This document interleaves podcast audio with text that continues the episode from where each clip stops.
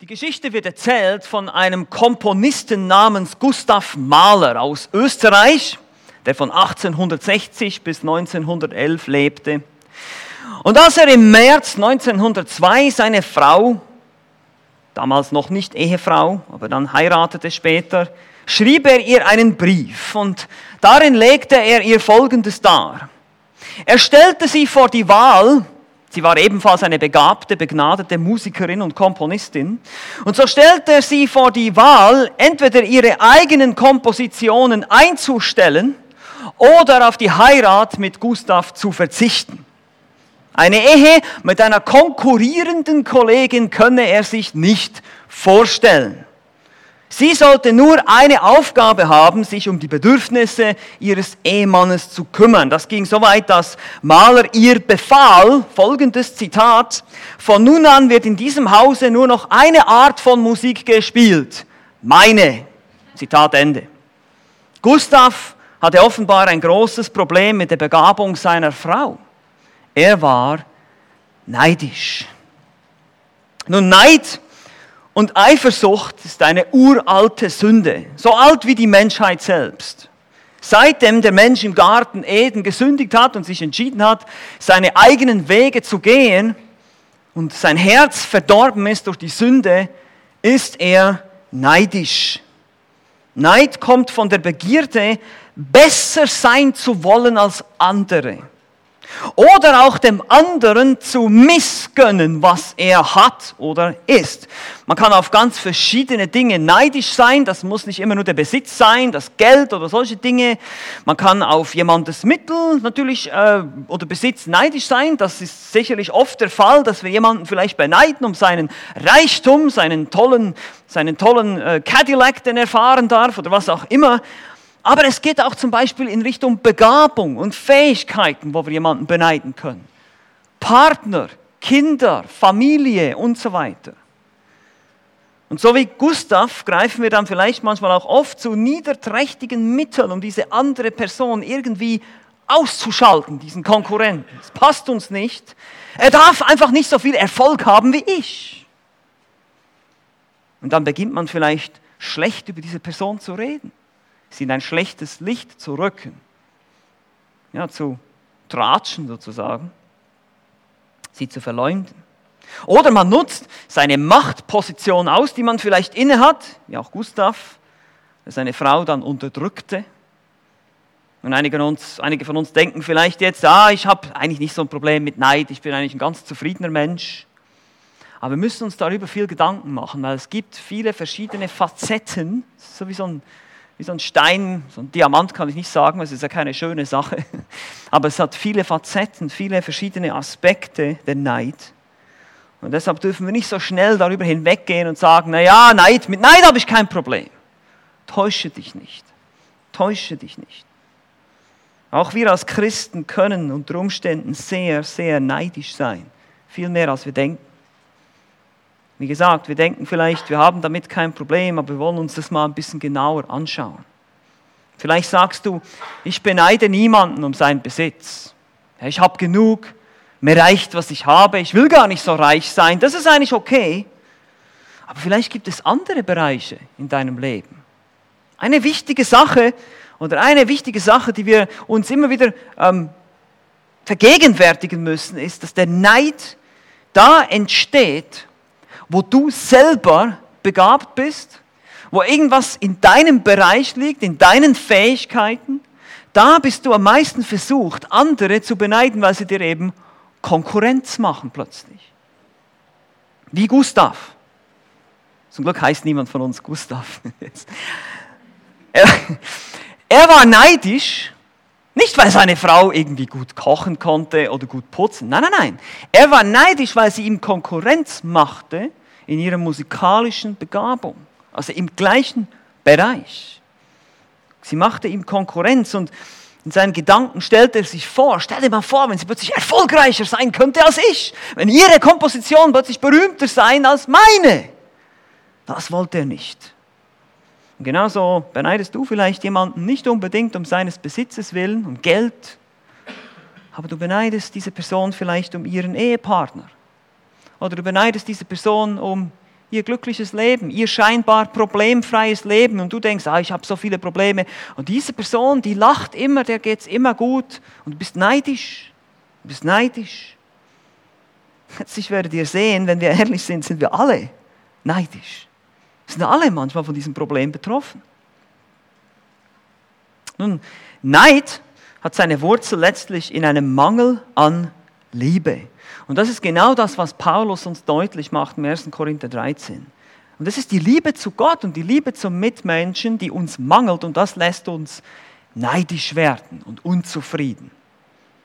Wir erinnern uns, die Korinther, die Gemeinde in Korinth, keine Gemeinde hatte es so nötig, auch diese Dinge zu hören, die Paulus hier schreibt. Es war eine lieblose Gemeinde, dieses, dieses Hohelite Liebe, dieser Abschnitt im Kapitel 13 des ersten Korintherbriefs ist bekannt dafür, das Hohelite Liebe zu sein, aber eigentlich ist es eine Kritik.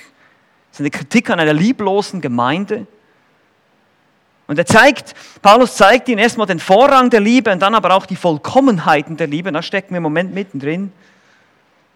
Weil das musste diese Gemeinde unbedingt hören. Die Gemeinde war zerstritten, zerspalten, sie stritten sich eben, wer der bessere Redner sei oder wer der besseren Person angehört. Das ist übrigens auch ein Bereich, wo man sich gegenseitig beneiden kann. Oh, du hast es schon gehört, ich kenne den und den. Ich bin persönlich befreundet auf Facebook mit dem und dem. Ja, und da bist du neidisch, weil der kennt meinetwegen Arnold Schwarzenegger persönlich oder weiß nicht was. Ah, können wir neidisch sein. Und so waren auch die Korinther neidisch. Ich gehöre zu Paulus, nein, ich gehöre zu Apollos. Da gab es Parteijungen hin und her, Fanclubs, sie bestritten sich. Und jeder versuchte auch mit seinen eigenen Gaben sich hervorzutun, mit den Sprachenreden und mit den Geistesgaben. Und so beneideten sie sich auch um ihre Gaben. Sie beneideten sich vielleicht auch um sozialen Status. Sie zogen sich nämlich gegenseitig vor Gerichte. Jeder wollte mehr und wichtiger sein als der andere. Und so war überall, war Neid irgendwo drin und natürlich die Wurzel davon wiederum Lieblosigkeit. Und Paulus bringt das hier jetzt zum, zum Vorschein, wenn er über die Geistesgaben spricht. Wir haben gesehen, Kapitel 12 geht es um die Geistesgaben. In diesem ganzen Abschnitt, Kapitel 12 bis 14, sehen wir, dass Paulus eine einzige große Abhandlung macht über den richtigen Umgang mit Geistesgaben und letztlich auch den richtigen Umgang mit dem Dienst, weil die Gaben sind uns ja zum Dienst gegeben. Und deshalb können wir hier lernen, wie wir als Christen dienen sollen. In der Gemeinde, in der Welt, überall. Wie sollen wir dienen? Wir dienen in einer Art und Weise, dass wir die anderen erbauen. Zum Nutzen anderer. Das macht Paulus deutlich. Dafür habt ihr die Gaben bekommen. Kapitel 12, Vers 7. Zum Nutzen. Zum Nutzen der Gemeinde. Nicht für euch selbst. Zu eurer eigenen Befriedigung. Oder eben dafür, dass euch alle beneiden, wie toll und wie begabt ihr seid. Nein. Dafür habt ihr sie nicht bekommen, die Gaben. Nein, ihr habt es bekommen, um anderen in Demut zu dienen. Und das muss er ihnen ganz, ganz deutlich machen, auch der gegenseitiges, das gegenseitige Beneiden. Ja, ich habe nicht die Gabe, ich habe nur die Gabe. Ich bin kein Sprachenredner, ich habe nur die Gabe der Hilfeleistung, ich muss ständig nur helfen. Ja, das ist, sind alle Gaben wichtig. Alle sind wie Glieder an einem Leib. Und so macht er dieses Beispiel hier, diesen Körper, schreibt er, die Hand und Fuß und Auge. Und nur weil du eine Hand bist oder ein Fuß bist, gehörst du trotzdem zum Leib. Du bist trotzdem wichtig. Ohne Füße können wir nicht laufen. Und so braucht es jeden. Und ihr braucht einander nicht zu beneiden um eure Gaben. Und schließlich in, am Ende von Kapitel 12 kommt Paulus zu diesem Thema, dass er sagt, ich werde euch noch einen vortrefflicheren Weg zeigen. Ihr sollt um die Gaben eifern, das ist okay. Ihr dürft nach den größeren Gaben eifern, vor allem nach, der, nach diesen Gaben, Apostel, Propheten, Lehrer haben wir betrachtet zusammen, dass die Apostel die wichtigsten waren. Und dann natürlich die Lehre, dass die Propheten, die Offenbarung, die damals noch am Wirken war, äh, die, die wichtig war in der Gemeinde, wichtiger als das Sprachenreden, das werden wir in Kapitel 14 dann noch sehen. Aber er sagt ihnen, die Art und Weise, wie ihr das macht, ist verkehrt. Ihr, ihr strebt nach diesen Gaben aus den falschen Motiven. Nämlich, weil ihr euch selber darstellen wollt damit. Und so sagt er, ich, gebe, ich zeige euch einen vortrefflicheren Weg, es ist der Weg der Liebe. Und in Kapitel 13, Verse 1 bis 3 sagt er, ohne die Liebe bringt alles Dienen nichts, alles. Du kannst dich noch so abmühen, es bringt nichts. Du kannst deinen ganzen Leib hingeben, du kannst meinetwegen theoretisch alle Sprachen der Menschen sprechen und auch noch die Engelssprachen dazu, was ja nicht möglich ist, aber das ist eine hypothetische Aussage. Und selbst das würde dir nichts bringen. Und so kommt er zu den Qualitäten der Liebe und spricht hier auch in unser Gewissen, in unseren Umgang, in unseren Dienst heute. Einige dieser Gaben sind heute nicht mehr am Wirken, das wissen wir, das werden wir nochmal ausführlicher betrachten. Aber wichtig für uns hier heute ist auch, wie dienen wir mit dem, was uns Gott anvertraut hat. Seien das natürliche Fähigkeiten oder auch geistliche Gaben. Wir haben alles von Gott bekommen, um es zum Dienst an anderen einzusetzen, in Liebe. Und so zeigt er uns hier diesen vollkommenen Weg und wir haben zwei dieser Vollkommenheiten bereits betrachtet. Haben gesehen, das Erste, was wir brauchen, ist Geduld. Liebe ist langmütig. Das haben wir betrachtet. Sie ist bereit, lange zu leiden, zu warten, geduldig zu sein, Dinge zu ertragen, eben die Macken und die Moten von anderen zu ertragen und das positive Gegenstück dann ist nicht nur einfach dieses Ertragen, also nicht nur so ein Zähneknirschen, das, ah, ich muss den halt ertragen, sondern nein, es ist ein aktives, gutes Tun. Deshalb ist die Liebe auch gütig, heißt es hier. Sie ist freundlich. Wir haben die Freundlichkeit Gottes angeschaut gegenüber allen Menschen, die in Christus offenbar wurde. Und nun kommt er zu insgesamt acht negativen Ausdrücken. Also jetzt kommen Verneinungen. Die Liebe ist nicht, was sie nicht ist. Und manchmal ist es sogar hilfreich, mal zu betrachten, wie etwas nicht ist, um zu verstehen, wie etwas ist. Und deshalb macht Paulus das. Erstmal beginnt er mit den beiden Positiven. Sie ist langmütig, ist bereit, lange zu leiden. Sie ist gütig, sie ist freundlich. Und jetzt geht er in die nächsten Eigenschaften hinein. Und das ist 1. Korinther Kapitel 13, Vers 4. Unser Predigtext für heute. Die Liebe ist langmütig sie ist gütig und jetzt kommt unser Predigtext, die Liebe neidet nicht. Die Liebe neidet nicht. Und wir wollen uns diesen Text heute wieder mit vier Fragen erarbeiten. Wir wollen uns vier Fragen stellen, die, wenn wir sie richtig beantworten, uns dabei helfen, Neid, das Thema Neid besser zu verstehen und vor allem ein Leben zu führen ohne Neid, von Neid frei zu werden. Das ist das Ziel. Wir wollen in der Liebe leben und deshalb nicht einander beneiden. Vier Fragen, die uns dabei helfen, diese, dieses Thema zu verstehen. Lass uns Nummer eins, Punkt eins, die erste Frage, was bedeutet der Ausdruck Neid? Nun, was bedeutet das hier? Die deutschen Übersetzungen geben diesen Ausdruck hier in 1. Korinther 13 etwas unterschiedlich wieder. Die Elberfelder sagt, die Liebe neidet nicht. Schlachter sagt, beneidet nicht. Die Menge frei von Eifersucht oder auch Luther übersetzt, die Liebe eifert nicht. Das hat damit zu tun, dass das Verb zelo hier, neiden oder eifern, eben einen positiven oder einen negativen Bedeutung, eine positive oder negative Bedeutung haben kann. Selbst Gott kann eifersüchtig sein. Bei ihm ist das eine heilige Eifersucht.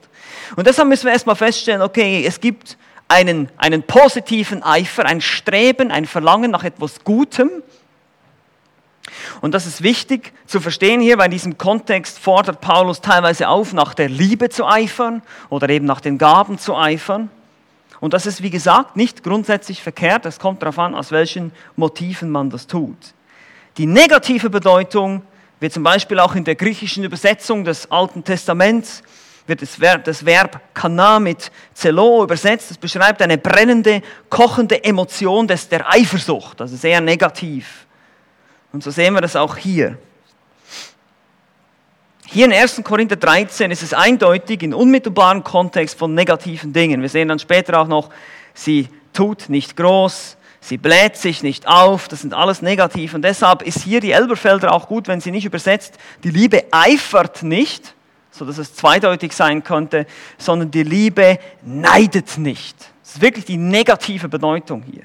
Es geht um Neid. Die Liebe neidet nicht. Nun, in Kapitel 3 haben wir schon gesehen, im ersten Korintherbrief, dass Paulus deutlich macht, dass die Korinther eben von Eifersucht und Streit erfüllt waren. In 1. Korinther 3, Vers 3. Und da wird das verwandte Substantiv Zelos verwendet, also ein verwandtes Wort damit, also hier auch die Eifersucht. Ein Lexikon beschreibt die Bedeutung dieses Verbs hier im negativen Sinne folgendermaßen, Zitat, eine, also intensive negative Gefühle haben über den Erfolg oder die Errungenschaften eines anderen. Also intensive negative Gefühle haben über den Erfolg oder die Errungenschaften von anderen. Das ist es, was man, wenn man neidisch ist. Prinzip auch das, was die Menge Übersetzung sagt. Die Liebe ist eben dann frei von dieser Eifersucht. Nun, dieses Wort findet sich auch in Apostelgeschichte wieder, 7 Vers 9, was den Neid der Brüder Josefs beschreibt, also im Griechischen da, in Apostelgeschichte 7. Apostelgeschichte 17, 5 beschreibt es den Neid der Juden. Wir finden dieses Wort auch immer wieder. In beiden Fällen führt es dann auch zu Gewalt und Boshaftigkeit und Schlechtigkeit. Wir sehen das, wenn wir zum Beispiel Apostelgeschichte 7, Vers 9 lesen, da heißt es, äh, also Stephanus ist das, die Rede des Stephanus, da sagt er, und die Patriarchen waren neidisch auf Josef und verkauften ihn nach Ägypten. Also dieser Neid führte dazu, dass die Brüder ihn nach Ägypten verkauften. Das führte zu weiteren Sünden. Eben sie räumten diesen Konkurrenten aus dem Weg. Sie griffen zu diesen niederträchtigen Mitteln wie Gustav, ja. aber hier in dem Fall auch. Oder auch in Apostelgeschichte 17, Vers 5 heißt es aber, die Juden, die sich weigerten zu glauben, wurden voll Neid, Zelos, und gewannen etliche boshafte Leute vom Straßenpöbel, erregten einen Auflauf und machten oder brachten die Stadt in Aufruhr und sie drangen auf das Haus Jassons ein und suchten sie, um sie vor der Volksmenge zu führen. Also hier auch dieser Aufstand und es führt zu Gewalt und Boshaftigkeit. Auch Jakobus 4, Vers 2 ist eine weitere Anwendung dieses Wortes. Hier heißt es, ihr seid begehrlich und habt es nicht, ihr mordet und neidet und könnt es doch nicht erlangen, ihr streitet und kämpft, doch ihr habt es nicht, weil ihr nicht bittet. Hier auch wieder dieser Zusammenhang von Neid und Morden, Töten, also irgendwie gewalttätig werden, den Konkurrenten aus dem Weg räumen wollen und eben nie zufrieden sein. Sprüche 27, Vers 4 heißt es, grausam ist der Zorn und überwallend der Grimm, aber wer kann vor der Eifersucht bestehen? Eifersucht, Neid ist eine schlimme Sünde. Sie wird schlimmer bewertet als Zorn und Ärger hier in Sprüche 27, Vers 4. Das ist spannend. Nun gibt es grundsätzlich zwei Formen von Neid. Ich habe das vorhin so ein bisschen anklingen lassen, möchte es nochmal deutlich machen. Die eine Form von Neid sagt oder denkt, ich will, was der andere hat. Ich will, was der andere hat. Der andere hat bessere Gaben, das schönere Auto, er wird mehr gelobt, das ist unfair. Ja? Ich will auch so sein wie der andere oder wie die andere. Die oder er ist immer so cool, so beliebt, so geistlich, was auch immer. Warum komme ich nicht so viele Verse auswendig wie Punkt, Punkt, Punkt? Das ist die Einstellung. Ich will, was der andere hat. Ansehen, Geld, Besitz, Beliebtheit. Freiheit, Freunde, Partner, Kinder, was auch immer. Und es gibt das alte Sprichwort, wo Erfolg ist, da sind auch Neider. Leider ist das so in der Welt. Aber das soll nicht so sein unter uns. Aber jetzt gibt es noch eine zweite Form, und die ist noch niederträchtiger. Der Neid sagt, ich will, was der andere hat. Das ist eine Form von Begehren. Aber dann geht es noch weiter. Ich will nicht, dass der andere das hat. Es ist nicht nur so, dass ich das haben will, was der andere hat, sondern ich möchte nicht, dass er das hat, sondern ich will es jetzt haben. Und ich werde versuchen, ihn daran zu hindern, das zu haben. Die Missgunst führt dazu, dem anderen etwas nicht zu gönnen, was er hat. Ob das Besitz ist oder Fähigkeiten oder Gaben oder sonst irgendwas. Und es führt dazu, es geht so weit, dass wir dann bereit sind, wenn wir der Versuchung nachgehen, der Sünde nachgehen, anderen zu schaden. Oh, ist, der ist begabter als ich im Fußball. Also werde ich ihm jetzt mal so richtig faulen, dass er mal so richtig auf die Nase fällt und sich hoffentlich den Knöchel bricht, dann kann ich die nächsten vier Wochen nicht mehr Fußball spielen, dann kann ich besser werden. Diese Einstellung ist Neid. Weil wenn ich nicht auf der Bühne spielen kann, ich kann schließlich viel besser Musik machen als diese Person, dann soll er das auch nicht kriegen. Ich werde mal dem Musikleiter erzählen, was das für eine ungeistliche Person ist. Der hat da nichts zu suchen auf der Bühne. Oder wenn ich die Wohnung nicht bezahlen kann, dann soll es ein anderer auch nicht haben. Ich werde meinen Bruder nicht aufmerksam machen auf diese Wohnung. Ich will nicht, dass er sie hat, weil ich kann sie auch nicht haben. Das ist unfair. Neid. Salomo entdeckte diesen Neid bei der einen Mutter, die der anderen Mutter das Baby gestohlen hatte, weil es im Schlaf gestorben ist, ihr eigenes. Und dann wollte sie, dass auch dieses Kind noch getötet wird. Das ist 1. Könige 3. Dieses Urteil, wo Salomo dann das Schwert bringen lässt und sagt, dann schneid mir das Kind in zwei. Und die wahre Mutter verzichtet dann darauf. Aber die andere Mutter, die war eifersüchtig. Sie hat ihr Kind verloren und die andere soll ihr Kind auch nicht haben. Diese niederträchtige Form von Neid. Das Traurige ist, wir denken jetzt vielleicht, ja, sowas mache ich nicht, wäre ich mir nicht so sicher. Wir als Christen werden manchmal auch diese Versuchung ausgesetzt, zur Eifersucht gereizt zu werden. Und warum ist das so? Und das müssen wir uns merken. Es wird immer jemanden geben, der besser ist als du. Es wird immer jemanden geben, der besser ist als du. Du bist nicht der Einzige in dieser Welt. Du bist nicht der einzige begabte Mensch in dieser Welt. Es wird immer jemanden geben, der dich übertrifft. Immer. Es gibt einfach zu viele Menschen. Nein, das Problem ist unser Neid, okay? Und deshalb sind wir dann in der, haben wir diese Neigung, den anderen zu beneiden und hoffen, ja, der, hoffe, der macht jetzt einen Fehler und, und wünschen uns das irgendwo im Herzen, weil wir besser dastehen wollen. Und das ist Neid. Also seht diese beiden Formen, ich will, was der andere hat und ich missgönne ihm, was er hat und möchte verhindern, dass er das hat. Und lasst uns die zweite Frage stellen. Jetzt haben wir geguckt, was ist die Bedeutung von Neid. Zweitens, wie zeigt uns die Bibel, was Neid ist? Nun, ich muss da, glaube ich, nicht weit ausholen. Die Bibel ist randvoll von Beispielen und Geschichten, die uns die zerstörerische Kraft des Neids aufzeigen und vor Augen führen und uns helfen, dieses Thema besser zu verstehen. Das beginnt ganz am Anfang im Garten Eden mit Satans Neid. Er war neidisch auf Adam und Eva, weil sie einen höheren Stellenwert hatten als er in der Schöpfung und er verführte sie zur Sünde. Wir sehen, wie er Eva neidisch macht auf die Weisheit Gottes. Ihr werdet so weise sein wie Gott, keineswegs werdet ihr sterben. Irgendwo ist da ein Stück weit auch dieser Neid. Ja, du, du kannst auch so sein wie Gott. Das ist unfair. Warum, warum enthält er euch da etwas vor? Eva begehrte nach dieser Weisheit und die Macht und die Vorrangstellung Gottes. Dann geht es weiter. Nach der ersten Sünde finden wir schon mal den ersten Neider. Es dauert nicht lange in 1. Mose Kapitel 4. Und dieser Neider heißt Kain. Kain. Er beneidete seinen Bruder Abel, dessen Opfer besser war, dessen Opfer angenommen wurde von Gott und seines nicht. Das ist unfair. Ich will nicht, dass er das hat. Und ich will nicht, dass er Erfolg hat. Und deshalb brachte er ihn um. Hier sehen wir wieder die, die, die Zusammenhänge, der Mord, der darauf folgte. Und deshalb, meine Lieben, Neid ist in gewisser Hinsicht Mord in Gedanken. Ja, diese Person macht mir Konkurrenz und ich wünsche mir, dass diese Person nicht da ist, weil ich dann der Bessere wäre. Und deshalb ist es irgendwo in einer gewissen Hinsicht Mord in Gedanken. Und so können wir durch die Schrift gehen Sarai war neidisch auf die Magd Hagar, weil Hagar nun schwanger war und Sarai immer noch unfruchtbar, obwohl es eigentlich ihre eigene Idee war, dass Abraham zu Hagar eingehen sollte und ein Kind kriegen sollte, aber sie wurde dann in 1. Mose 16, 5 heißt es, das Unrecht, das mir widerfährt, das Unrecht, dabei war das ihre Idee, fällt auf dich, ich habe meine Magd in deinen Schoß gegeben und da, da sie sieht, dass sie schwanger geworden ist, bin ich gering in ihren Augen. Das ist unfair, Abraham. Nun hat sie ein Kind und ich nicht und lacht mich aus. Josefs Brüder, haben wir vorhin schon gehabt, sie verkauften ihn nach Ägypten, weil sie neidisch waren, weil der Vater ihn bevorzugte. War auch nicht unbegründet, aber trotzdem falsch. Führte ebenfalls fast zum Mord, schließlich zum Verkauf in die Sklaverei.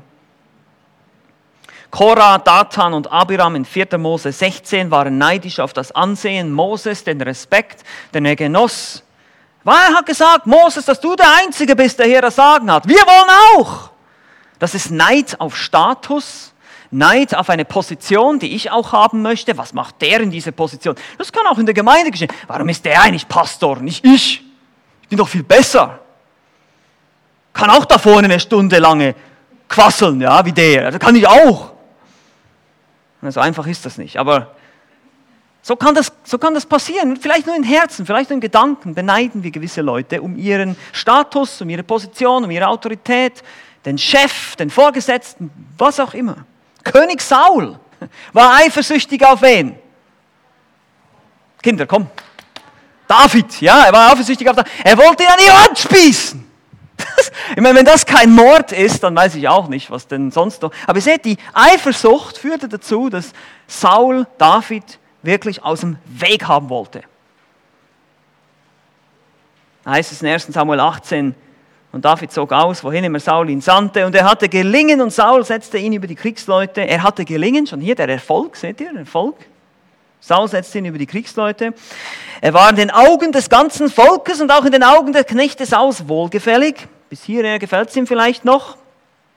Und es geschah, als sie einzogen, als David vom Erschlagen des Philisters zurückkehrte, da zogen die Frauen aus allen Städten Israels zu Gesang und Reigen dem König Saul entgegen, mit Tamburinen, mit Jubel, mit Triangeln.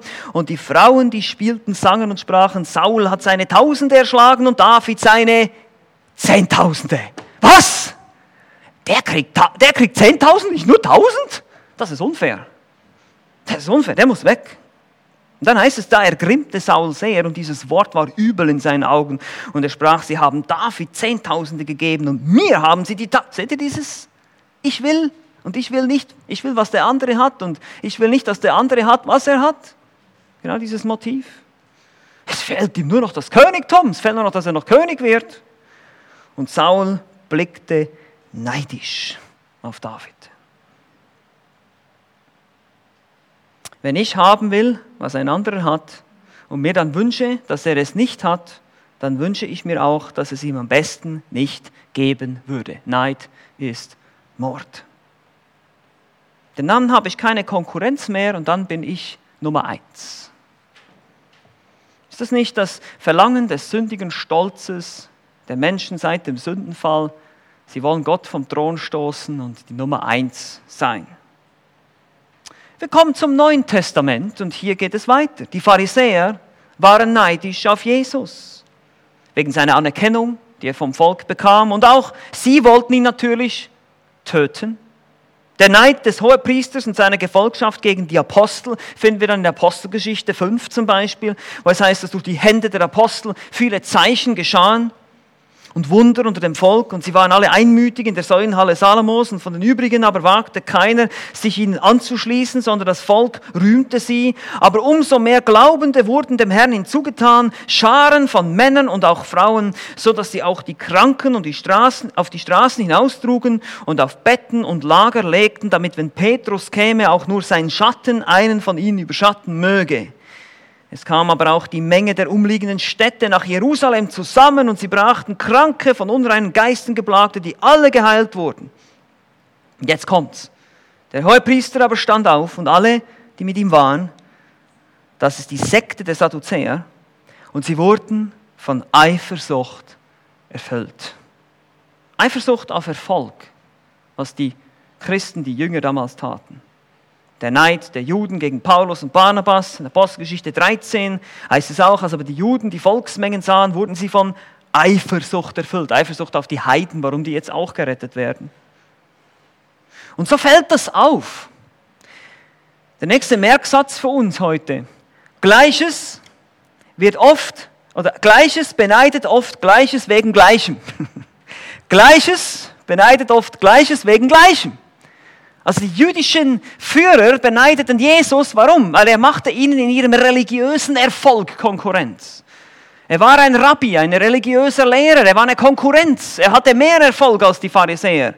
Das ganze Volk lief ihm nach. So auch die Apostel. Also Gleiches beneidet Gleiches wegen Gleichem.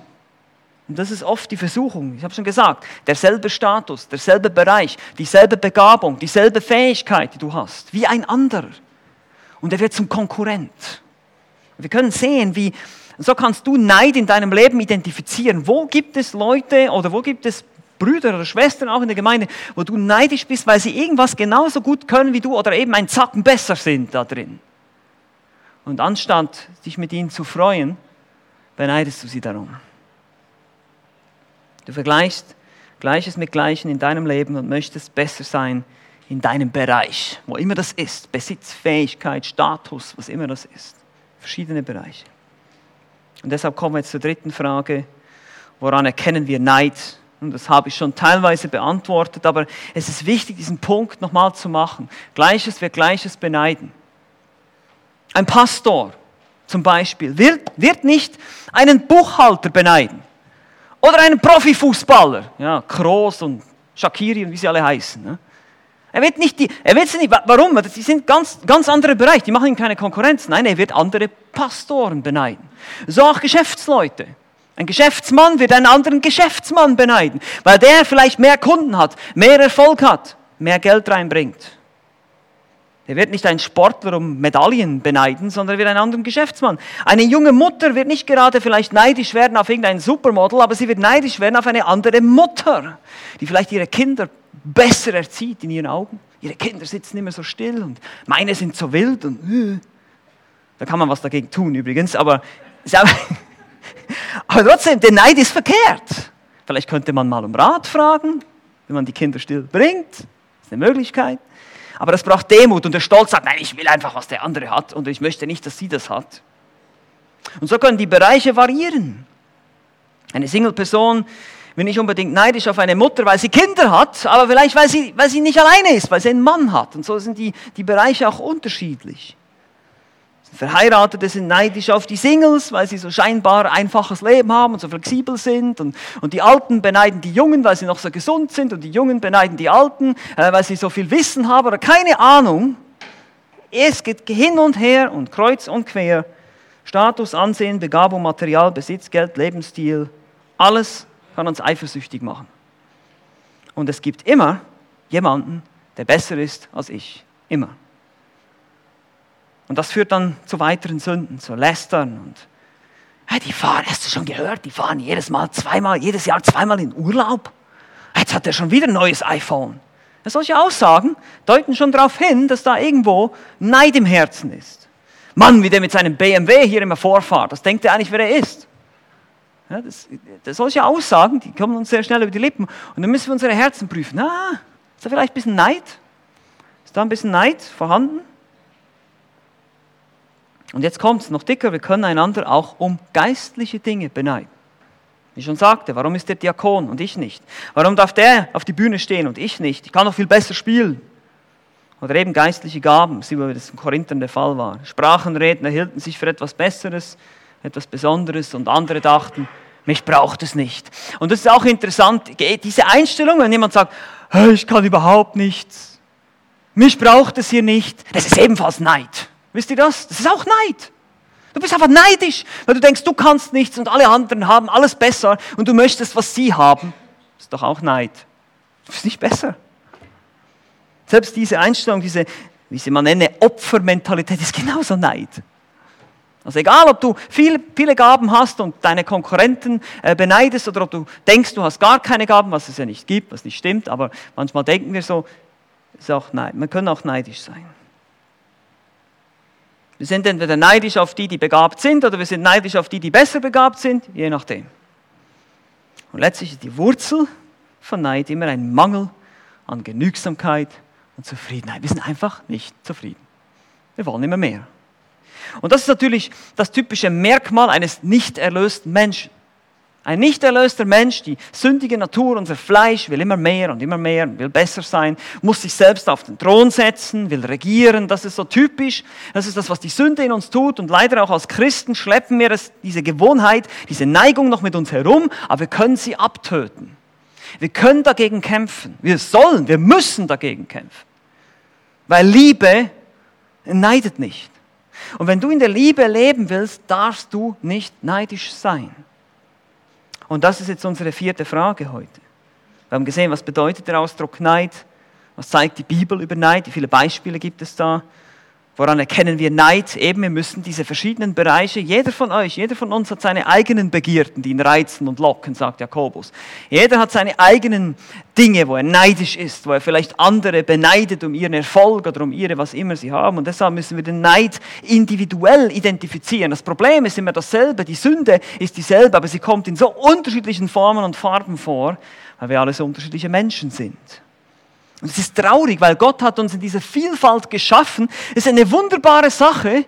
Und wir sollten, einander, wir sollten uns miteinander freuen. Wir sollten einander bewundern, wie Gott uns gegenseitig anders gemacht hat. Wir sollten einander respektieren, über die Gaben und Stärken des anderen Freude empfinden. Aber stattdessen, durch die Sünde, fangen wir einander an zu beneiden. Und das soll nicht so sein. Und deshalb viertens, wie können wir von Neid befreit werden? Und wir werden natürlich nie vollkommen befreit sein, das wisst ihr, aber wir können dagegen kämpfen. Es gibt bestimmte Dinge, die uns die Schrift an die Hand gibt wo wir lernen können, wie wir gegen Neid kämpfen. Das sind sieben Anwendungen, sieben Lektionen, die wir jetzt hier rausziehen wollen noch aus diesem Thema Neid, die ich euch mitgeben möchte. Einfach, wie kann ich ganz persönlich, hier wiederum, es geht nicht darum, was der andere tut, sondern wiederum ich persönlich, ich in meinem Leben, wie kann ich gegen meine Tendenz, neidisch zu sein in irgendeinem bestimmten Bereich, ankämpfen. Nun, das Erste, erstens, erstmal etwas Bewusstsein. Seid ihr bewusst, dass Neid Sünde ist? Das hört sich jetzt vielleicht ein bisschen banal an, aber wir haben so die Tendenz, gewisse Sünden zu tolerieren. Ja, eben wie zum Beispiel auch das Lästern, das Geschwätz, was wir kürzlich auch von Sam gehört haben. Und da ist auch der Neid eine bestimmte Sünde. Ja, das ist doch nicht so schlimm und man denkt gar nicht so drüber nach, dass man vielleicht ständig andere Leute beneidet um ihren Besitz, um ihre Gaben, um ihre Fähigkeiten. Eben, dass man denkt, man ist ein Armer, man ist irgendwie so ein Opfer und ja, mich kann hier keiner brauchen und was bin ich denn schon begabt? Ich habe ja keine Gaben und man merkt dabei gar nicht, dass man eigentlich neidisch ist. Und deshalb muss man merken, dass man dabei sündigt, das ist Sünde, das ist nicht gut, das ist verkehrt. Du darfst nicht so denken, weil guck mal, was passiert. Du klagst Gott an. Gott, du hast mich nicht so begabt, wie ich will. Ja? Du versuchst Gott Vorschriften zu machen. Ich will anders sein, ich will anders aussehen. Oh ja, über das Aussehen, ja, das ist auch noch ein Bereich. Können wir einander, oh, ich möchte so viele Muskeln haben wie der. Ja? Oder ich möchte die Figur haben von der Person. Ja, wir können einander um alles Mögliche beneiden. Und du sagst mit anderen Worten, Gott hat dich so gemacht, aber das ist ein Fehler, das ist falsch. Ich müsste anders sein, sonst kann ich nicht zufrieden sein. Das ist das, was der Neid sagt. Und das ist verkehrt, das ist falsches Denken. Wir müssen verstehen, dass Neid, den wir manchmal tolerieren, in Gedanken Mord ist. Dass es so weit gehen kann, dass jemand so neidisch wird, dass jemanden tötet. Wir sehen das in der Schrift, wir haben das betrachtet.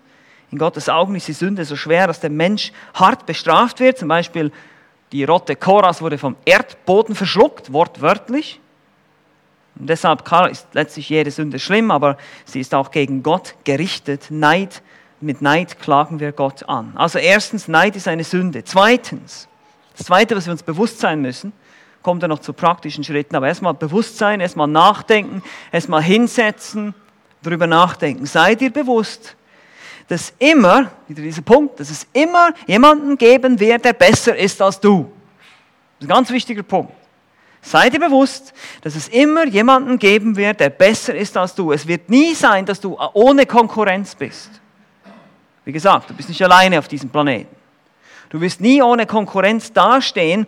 Und das Interessante ist, der heutige Individualismus unserer Gesellschaft ich will etwas Besonderes sein, ich will einzigartig sein, produziert nur noch mehr Neid, Streit und Eifersucht in unserer Gesellschaft. Weil jeder will der Beste sein in seinem Bereich, jeder will den anderen übertrumpfen. Genauso war es übrigens auch in Korinth. Sie wollten einander bekämpfen, es gab Wettbewerbe, wer der Bessere sei. Das wird angetrieben von Neid. Ich will, was der andere hat. Also sei dir bewusst, dass Neid eine Sünde ist, sei dir bewusst, dass es immer jemanden geben wird, der besser ist als du. Drittens, sei dir bewusst, dass Eifersucht da auftaucht, wo dir jemand Konkurrenz macht. Wie schon gesagt, im gleichen Bereich. Gleiches beneidet Gleiches wegen Gleichem. Erwarte die Versuchung da, wo du selber Stärken hast. Erwarte die Versuchung da, wo da wird sie groß sein, wo du selber Stärken hast, wo du, dich mit, wo du in der Versuchung stehst, dich mit anderen zu messen. Wie gesagt, ich beneide keinen Profi-Buchhalter oder irgendwie sowas. Ja. Ich habe keine Ahnung davon und bin, es ist überhaupt keine Konkurrenz für mich. Ja. Aber die Gefahr besteht, einen anderen Musiker zu beneiden, weil er auch Musik macht, weil er vielleicht besser spielt als ich. Das ist mein Bereich, da bin ich gut und da ist er auch gut und der ist vielleicht besser. Und wer hat die schnellen Finger was weiß ich. Ja. Vergleicht man. Ja, ihr seht schon, womit ich kämpfe. Ne? Aber das ist so. Wir müssen ehrlich sein, wir müssen offen sein. Wir sind alle Menschen. Und das ist genau der Punkt hier. Ein Musiker wird andere Musiker beneiden, ein Pastor, andere Pastor, ein Geschäftsführer, andere Geschäftsführer, Mutter, andere Mütter und so weiter und so fort. Wie Gustav. sind wir bei Gustav. Ne? Seine Frau, seine eigene Frau. Und es kommt teilweise auch aus den engsten Beziehungen. Er hat seine eigene Frau beneidet. Müsst ihr euch mal vorstellen. Das eigene, die Ehepartnerin hat er beneidet. Wegen ihrer Gabe. Und deshalb kann Neid die besten Freunde zu Feinden machen. Und deshalb seht ihr, wie zerstörerisch der Neid in der Gemeinde ist. Wir sollten wie Brüder und Schwestern miteinander sein. Und wenn wir einander beneiden, dann macht das alles kaputt. Das macht die Beziehungen kaputt. Deshalb viertens, sei dir die zerstörerische Macht des Neids bewusst. Sei dir die zerstörerische Macht des Neids bewusst. Neid zerstört erstens dich selbst. Weil du bist nie zufrieden. Du wirst immer mehr. Es wird immer jemanden geben, der besser ist als du. Erinnere dich? Du wirst immer irgendwas haben können, was du nicht hast. Oder wollen, was du nicht hast. Neid zerstört aber auch andere, deine Freundschaften, deine Beziehungen, schadet den Mitmenschen. Und Neid zerstört deine Beziehung zu Gott. Letztlich klagst du Gott an. Du hast mir nicht das gegeben, das Aussehen, das Geld, die Kleider, was auch immer es ist, was ich brauche, um zufrieden zu sein. Und das ist eine Lüge. Aber so funktioniert der Neid. Sei dir bewusst, wie zerstörerisch der Neid ist. So, jetzt, was können wir jetzt aktiv tun? Wenn wir uns jetzt bewusst sind, das ist eine Sünde, bewusst sind, woher die Versuchung kommt, eben von gleichem, von dem gleichen Bereich, auch, dass es da sein wird, wo meine Stärken sind wahrscheinlich und dass zerstörerische Macht da ist, dass es meine Freundschaften, mich selbst und auch meine Beziehung zu Gott zerstört. Wenn ich das verstehe, jetzt muss ich aktiv werden. Und aktiv werden kannst du, Punkt 5, Lerne dich aktiv am Erfolg anderer zu freuen. Das ist nämlich gar nicht so einfach. Vor allem, wenn es Leute sind, die eben in deinem Bereich, muss jetzt mal so zu sagen, in deinen Fähigkeiten erfolgreicher sind als du. Freust du dich mit ihnen? Und das ist eine Entscheidung. In Römer 12, Vers 15 heißt es, freut euch mit den Freunden. Das ist ein Befehl. Etwas, was wir tun können, tun sollen, in der Kraft des Heiligen Geistes. Ich entscheide mich jetzt für diese Person, mich zu freuen, dass er erfolgreicher ist als ich. Dass er mehr, dass mehr Leute sich bekehren unter seinen Predigten als unter meinen zum Beispiel. Ich freue mich darüber. Preis den Herrn. Genau diese Einstellung hatte Paulus auch. Und ich freue mich, dass diese andere Gemeinde mehr Menschen, mehr Zulauf hat als unsere. Das sind jetzt so ein bisschen meine Bereiche, ihr könnt euch eure eigenen ausmalen. Und dann ist geteilte Freude doppelte Freude. Ich freue mich mit, mit dem Erfolg. Und ihr wisst, dass wenn ein Glied leidet, dann leiden alle mit. Und wenn ein Glied sich freut, dann freuen sich alle mit. Das ist, was in der Gemeinde geschieht. Wir haben alle eine geteilte, eine gemeinsame Freude. Wenn wir uns mitfreuen mit dem Erfolg eines bestimmten Gemeindeglieds, dann sollen wir uns mitfreuen. Und da müssen wir uns aktiv dafür entscheiden. Genauso ist es mit dem Mitleid. Wisst ihr, das heißt ja auch, weint mit den Weinenden. Ich soll auch mitfühlen und nicht einfach schadenfroh sein. Das ist nämlich auch Neid. Wenn ich, wenn ich mich freue, wenn jemand anderes zu Schaden kommt, Schadenfreude, heißt es ja im Volksmund ist die beste Freude, ist schrecklich, diese Aussage. Nein, Schadenfreude ist überhaupt keine gute Freude, das ist Neid. Weil du, äh, du fühlst dich im Prinzip, ich bin jetzt am Ziel, ich wollte, dass dieser andere das nicht hat, er hat jetzt den Schaden, jetzt bin ich, jetzt stehe ich in einem besseren Licht da. Schadenfreude, anstatt mitzufühlen. Entscheide dich, mit zu freuen und mit zu fühlen. Wenn andere mit ihren Fähigkeiten, die du auch hast, erfolgreich sind. Wenn andere mehr Besitz haben als du.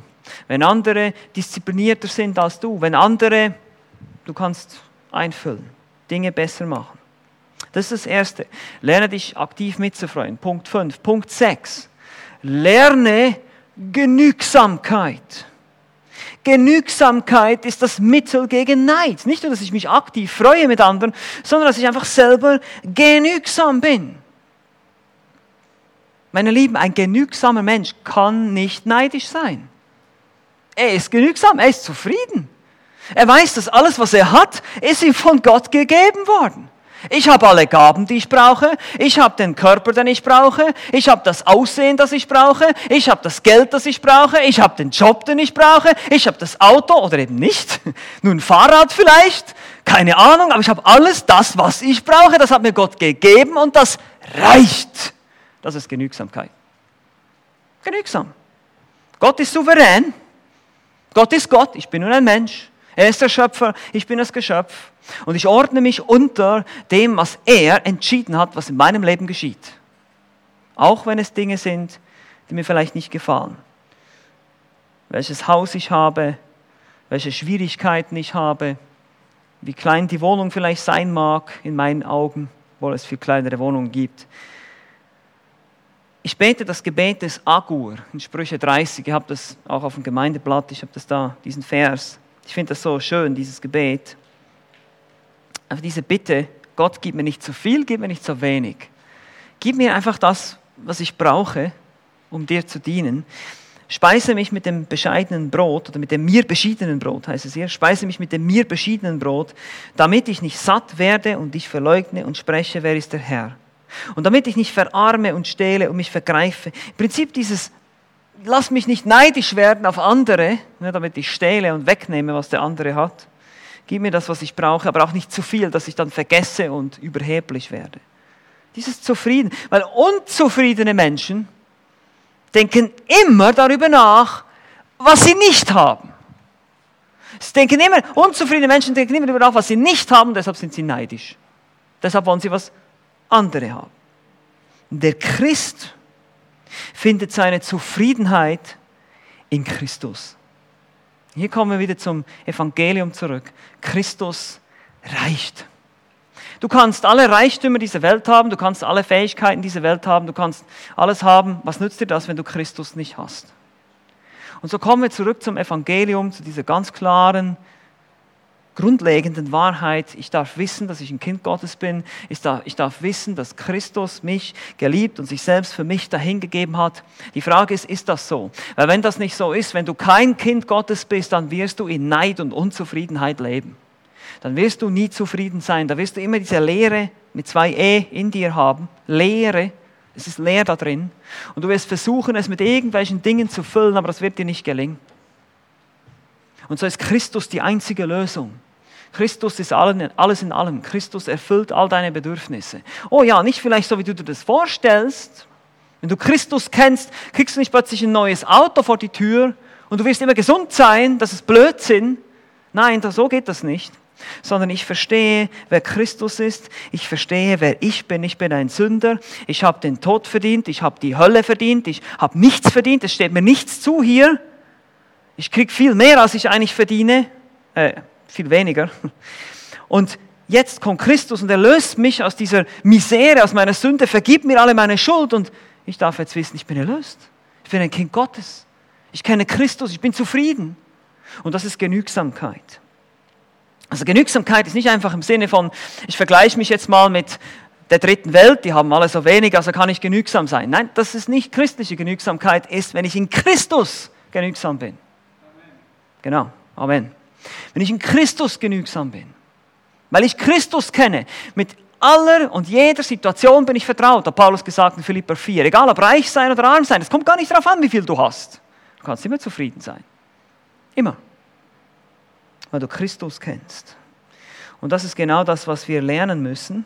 Unsere Genügsamkeit, unsere Zufriedenheit in unserer Beziehung zu Gott zu suchen. 1. Timotheus 6, Vers 6 heißt es ist allerdings die Gottesfurcht eine große Bereicherung, wenn sie mit Genügsamkeit verbunden wird. Das ist herausfordernd, oder? Für mich ist es sehr herausfordernd. Wir leben heute in einer Gesellschaft, in der dir immer wieder vorgespiegelt wird, was du noch alles brauchst und haben musst. Das ist genau unser Denken heute. Ein neues Handy, einen neuen Fernseher, neue Kleider, schönen Urlaub, was immer es ist. Du brauchst noch das, um zufrieden zu sein. Du brauchst, es appelliert immer an deinen, in gewissem Maßen an deine Begierden, aber natürlich auch an deinen Neid. Und wenn du es nicht haben kannst, beginnst du andere zu beneiden, die das haben und möchtest es auch. Aber das alles wird dich leer zurücklassen. Es erfüllt dich nicht. Und deshalb Lerne Genügsamkeit und freue dich am Erfolg anderer. Siebtens, haben wir gesagt, sieben Lektionen. Also wir haben gesehen, wir müssen aktiv freuen. Wir müssen Genügsamkeit lernen, Genügsamkeit in Christus. Und jetzt siebtens, lerne von biblischen Beispielen und ahme sie nach. Das Schöne ist, es gibt auch positive Beispiele. Ja, es gibt nicht nur die negativen. Da ist zum Beispiel ein Jonathan. Nein, nicht der Jonathan, der hier sitzt. Der vielleicht auch, weiß es nicht. Aber Jonathan, Davids Freund, König Davids Freund, der ihm nichts missgönnt. Weder sein Ansehen noch sein Erfolg, noch den Thron. Am Ende besteigt David den Thron. Das beendet nicht die Freundschaft mit Jonathan, der ein Sohn Sauls war, eigentlich der, der, der, der Nachfolger, der Thronfolger. Saul sagt das einmal zu Jonathan. Wieso hilfst du diesem David? Der nimmt dir den Thron weg. Du solltest auf dem Thron sein. Jonathan war nicht neidisch. Jonathan gönnte David den Erfolg. Er erkannte, dass Gott David erwählt hat und nicht ihn. Dass David König sein sollte und nicht er. Und er fügte sich Gottes Souveränität. Er war zufrieden mit dem, was Gott ihm zugedacht hatte. Die Rolle, die er spielen sollte als Freund Davids und nicht als König. Und so war er zufrieden und er war nicht neidisch.